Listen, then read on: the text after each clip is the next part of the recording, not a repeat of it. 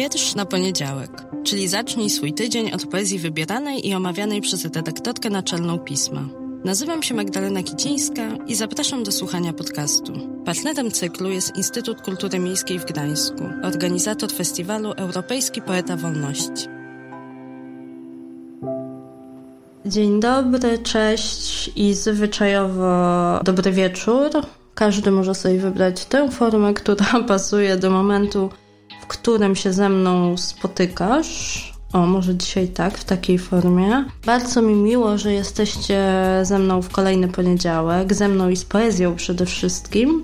A dzisiaj chciałabym porozmawiać nie o konkretnym utworze i jego autorze czy autorce, tylko o zjawisku, do którego zainspirowało mnie słuchanie w ostatnich dniach tego, co zalewa nasze różne kanały w mediach społecznościowych, czyli prób rapowania w 16 wersach w ramach pewnego challenge'u, wyzwania. Pod szczytnym hasłem i na szczytny cel zbierane są pieniądze, a to w jaki sposób twórcy um, zawodowi i amatorzy sobie z nim radzą, to temat na inne spotkanie i na inną rozmowę, analizy, interpretację tekstów, które w ramach tego wyzwania powstały. Natomiast to, o czym chciałabym Wam dzisiaj opowiedzieć, dwa słowa, trochę jest mimo wszystko bliskie tym, tym raperskim próbom bo chciałabym właśnie porozmawiać o rapie, a raczej o tym, czy rap i poezja są od siebie odległe, czy są sobie bliskie, czy raperzy to współcześni poeci,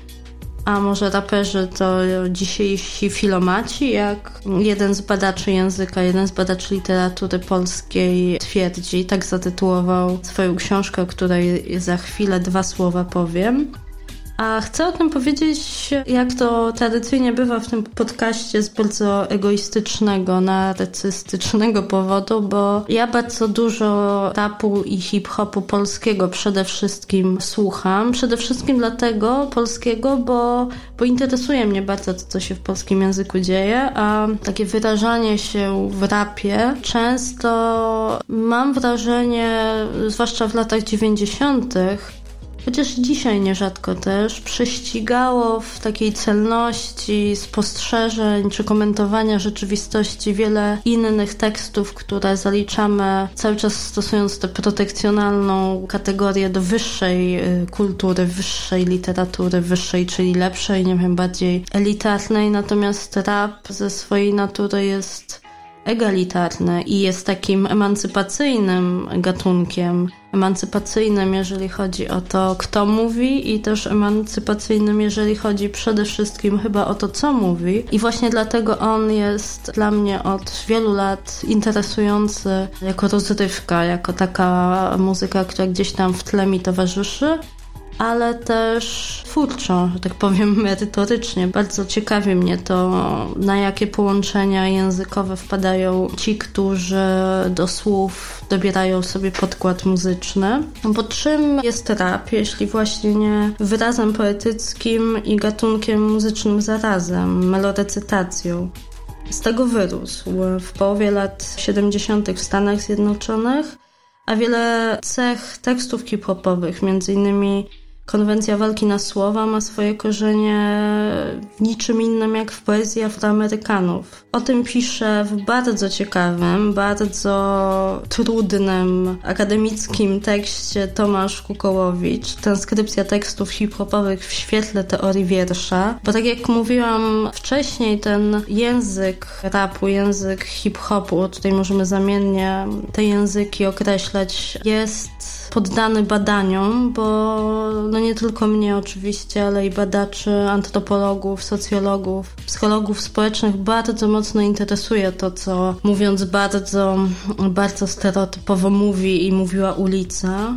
I też interesowało w latach 90., bo w Polsce przede wszystkim no, końcówka lat 80., a złote czasy to wczesne lata 90. To był ten najbardziej płodny, dynamiczny czas rozwoju polskiego rapu i polskiego hip-hopu. I myślę sobie, że porównując dzisiejsze składy hip-hopowe do tych właśnie z tamtych lat, sprzed już no, prawie 30 lat, podrostali ci wszyscy raperzy, którzy wtedy byli późnymi nastolatkami albo wczesnymi dwudziestolatkami. No już mamy pewną perspektywę tak badawczą, jak i, jak i po prostu historyczną. Możemy dostrzec, że no, o czym innym opowiadali niż opowiadają dzisiaj, co jest oczywiste, no bo też dojrzeli, wiele w ich życiu się wydarzyło. Natomiast tamtego autentyzmu, świeżości, szczerości nieskrępowanej bardzo mi w dzisiejszych tekstach brakuje. Ale nie u wszystkich, bo, bo są tacy twórcy, którzy wciąż są w stanie opowiedzieć coś wyjątkowo trafnego, szczerego, bezpretensjonalnego. Są w tej grupie, która jest znowuż takim moim autorskim wyborem. Ci, którzy tworzą od nastu czy dziesięciu lat i ci, którzy są na scenie polskiej hip-hopowej czy raperskiej od kilku lat, ale są nazwiska, na które chciałabym zwrócić uwagę i też przy okazji zapytać tych, którzy nas słuchają, czy wy macie jakieś swoje ulubione składy, jakieś swoje ulubione teksty hip-hopowe hip-hopowe czy raperskie, które wam się bardzo poetycko kojarzą, które właśnie coś robią, zostają w głowie, bo nie tylko opisują rzeczywistość, czy ją komentują, ale też jakoś poruszają. Więc jeśli macie takie nazwiska, to bardzo chętnie podzielcie się ze mną nimi, bo za chwilę, kiedy właśnie wymienię te nazwiska, to zobaczycie, że tam są, co niestety, niestety to mówi moje feministyczne serduszko, dla hip-hopu, dla rapu nie tylko polskiego, ale w ogóle jest no, takie typowe, że to przede wszystkim jest męska narracja, głównie, głównie faceci opowiadają nam świat, czy objaśniają nam świat w świecie rapu i hip-hopu, więc może też właśnie, jeżeli znacie jakieś raperki, zwłaszcza polskie, które w polskim języku tworzą, to też bardzo jestem ich ciekawa i zachęcam do podzielenia się, a no moi tutaj ulubieni to też nie będzie zaskoczenie, bo to pierwsze płyty i pierwsze epki nawet, zanim były płyty Molesty, Eldo, Łony, Adama Zielińskiego, Fisza i tych nazwisk mogłabym wymieniać. Sobie popatrzyłam na moją kartkę, jest ich dużo, ale nie chcę tego podcastu przegadać, ale bardzo, bardzo, bardzo chętnie usłyszę o waszych, bo te moje są w zasadzie stałe. To są miłości sprzed lat, które trwają, a przyznam szczerze, szczerze, że do tych świeżych produkcji, a na pewno jest ich masę, mm, nie mam dostępu, więc bardzo będę ciekawa i wdzięczna za inspirację z drugiej strony. A, bo nie powiedziałam jeszcze o jednym nazwisku. Może dlatego, że do świata raperskiego on do końca nie pasuje, bo i muzycznie, i językowo jest gdzieś trochę indziej ale i tutaj takie puszczenie oka dla tych, którzy znają jego twórczość i pewnie będą wiedzieli o jakie puszczenie oka przed chwilą mi chodziło. Bo mam na myśli Pawła Sołtysa, zresztą też goszczącego na naszych łamach i w majowym numerze, i w numerze z roku 2019.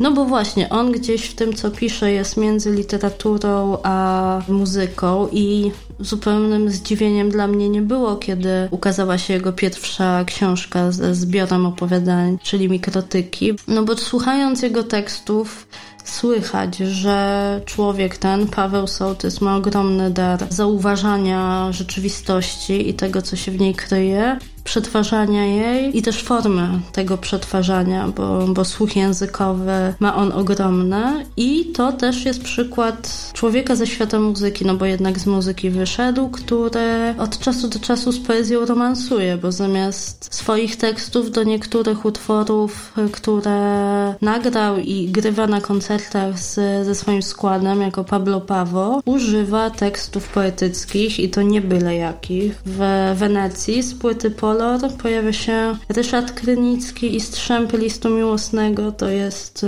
muszę przyznać, jeden z moich ukochanych wierszy, jeden chyba z najpiękniejszych wierszy w języku polskim, jakie czytałam. A na płycie Marginal z kolei pojawiają się polscy nobliści i Szymborska i Miłosz. Co ciekawe, że akurat ci dwoje, bo nie do końca oni mi w takim pierwszym wrażeniu pasują do świata literackiego y, i inspiracji Pawła Sołtysa. I chyba nieprzypadkowo, bo w jednym z wywiadów Sołtys opowiada, że, że jest w tym wyborze pewna przewrotność, bo tutaj zacytuję, ani wybitny polski poeta, ani wybitna polska poetka noblistka to nie są moi ulubieni twórcy. Większość prostolinijnych gier poetyckich Szymborskiej nigdy mnie nie brała. Do Miłosza długo miałem stosunek nieco lekceważący.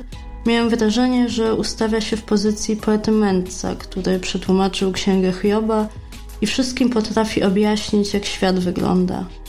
Piosenki z tekstami Szymbockiej i Miłosza przygotowaliśmy z ludzikami trochę pod pretekstem na Festiwal Miłosza i Festiwal Stolica Języka Polskiego. Utworów było kilka, z czasem znikły z repertuaru, nie czułem ich. To te dwa utwory, które się ostały i o których rozmawiamy, to znaczy piosenka i w przytułku, to są teksty bardzo dla Wisławy i Czesława nietypowe. Szymborska pisze tu trochę półszeptem jakby sama do siebie, a miłość z kolei jest tu bliski Budsie. To są utwory bardzo moje i mówię tu zarówno o formie, jak i o sposobie patrzenia na świat.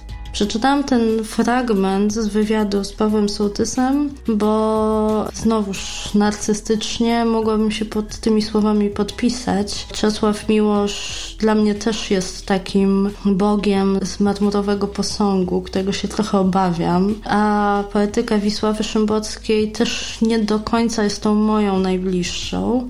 Dlatego wydaje mi się, że Sołtysa rozumiem, Natomiast jeśli mają Państwo ochotę sprawdzić, jak uznanemu już literatowi Pawłowi Sołtysowi wersja wokalna mierzenia się z poetyckimi noblistami wyszła, to bardzo mocno zachęcam do posłuchania tych utworów, a już najbardziej do posłuchania Strzępów Listu Miłosnego, bo ten wiersz w piosence pojawia się w bardzo szczególnym momencie. Samo zestawienie z tekstem własnym Sołtysa w tym utworze jest ciekawe i takie próby właśnie tej przetwarzania poezji, czy przenoszenia jej, przenoszenia jej na, na inne sposoby opowiadania o rzeczywistości, muzyczne sposoby, to bardzo interesująca moim zdaniem próba. Miała też miejsce w 2009 roku inna próba, to już stricte raperska, zabawy no chyba tak można powiedzieć, zabawy z najwybitniejszymi polskimi poetami i ich utworami. Mam tu na myśli płytę poeci, na której innymi Don Guralesco, Luke, Soku, Peja, wspomniany już Łona i Lilu, jedyna raperka w tym składzie, jeśli dobrze patrzę na listę. Brali się za bary m.in. z Asnykiem, Tuwimem, Lechoniem, Witkiewiczem, Wyspiańskim, Gałczyńskim, Mickiewiczem. No, creme de la creme oczywiście znowu to są sami poeci, poetki tutaj nie ma, nie widzę, nie ma na całej płycie. Ale to też ciekawy był sposób wykorzystania tekstów, wydawałoby się zupełnie innego świata, wpisania ich w poetykę, no tak, w poetykę rapu i próba wyjścia do chyba do zupełnie też innego słuchacza, albo do takiego miksu słuchaczy, którzy być może sami z siebie nie sięgnęliby po tomik Gałczyńskiego czy Lechonia, a, a w tej formie bardziej popowej, w sensie popularnej, no nie przekraczali tej bariery, o której tutaj często w podcaście mówię, czyli tego strachu przed przed poezją, który niestety często z polskiej szkoły wynosimy. A jeśli chodzi o polską szkołę, to tutaj taka mała ciekawostka. Jeśli dobrze pamiętam, jeżeli nic się nie zmieniło, to jeszcze dwa lata temu w podręcznikach dla tych ostatnich lat szkoły podstawowej ukazał się jeden z tekstów Eldo, czyli właśnie Leszka Kaźmierczaka, jako taki tekst do przeczytania, do analizowania, interpretowania na lekcji, więc myślę, że to taki dobry, znaczy krok w dobrą stronę, żeby pokazywać młodym ludziom, że poezja jest bardzo pojemnym słowem i wiele można w niej zmieścić i nie trzeba jej się bać, bo może być też taką bardziej przystępną formą obcowania z językiem, zastanawiania się nad językiem i nad tym, co on może nieść i, i jak go używać. Mam nadzieję, że, że ten tekst Eldo w podręczniku został. Nie wiem.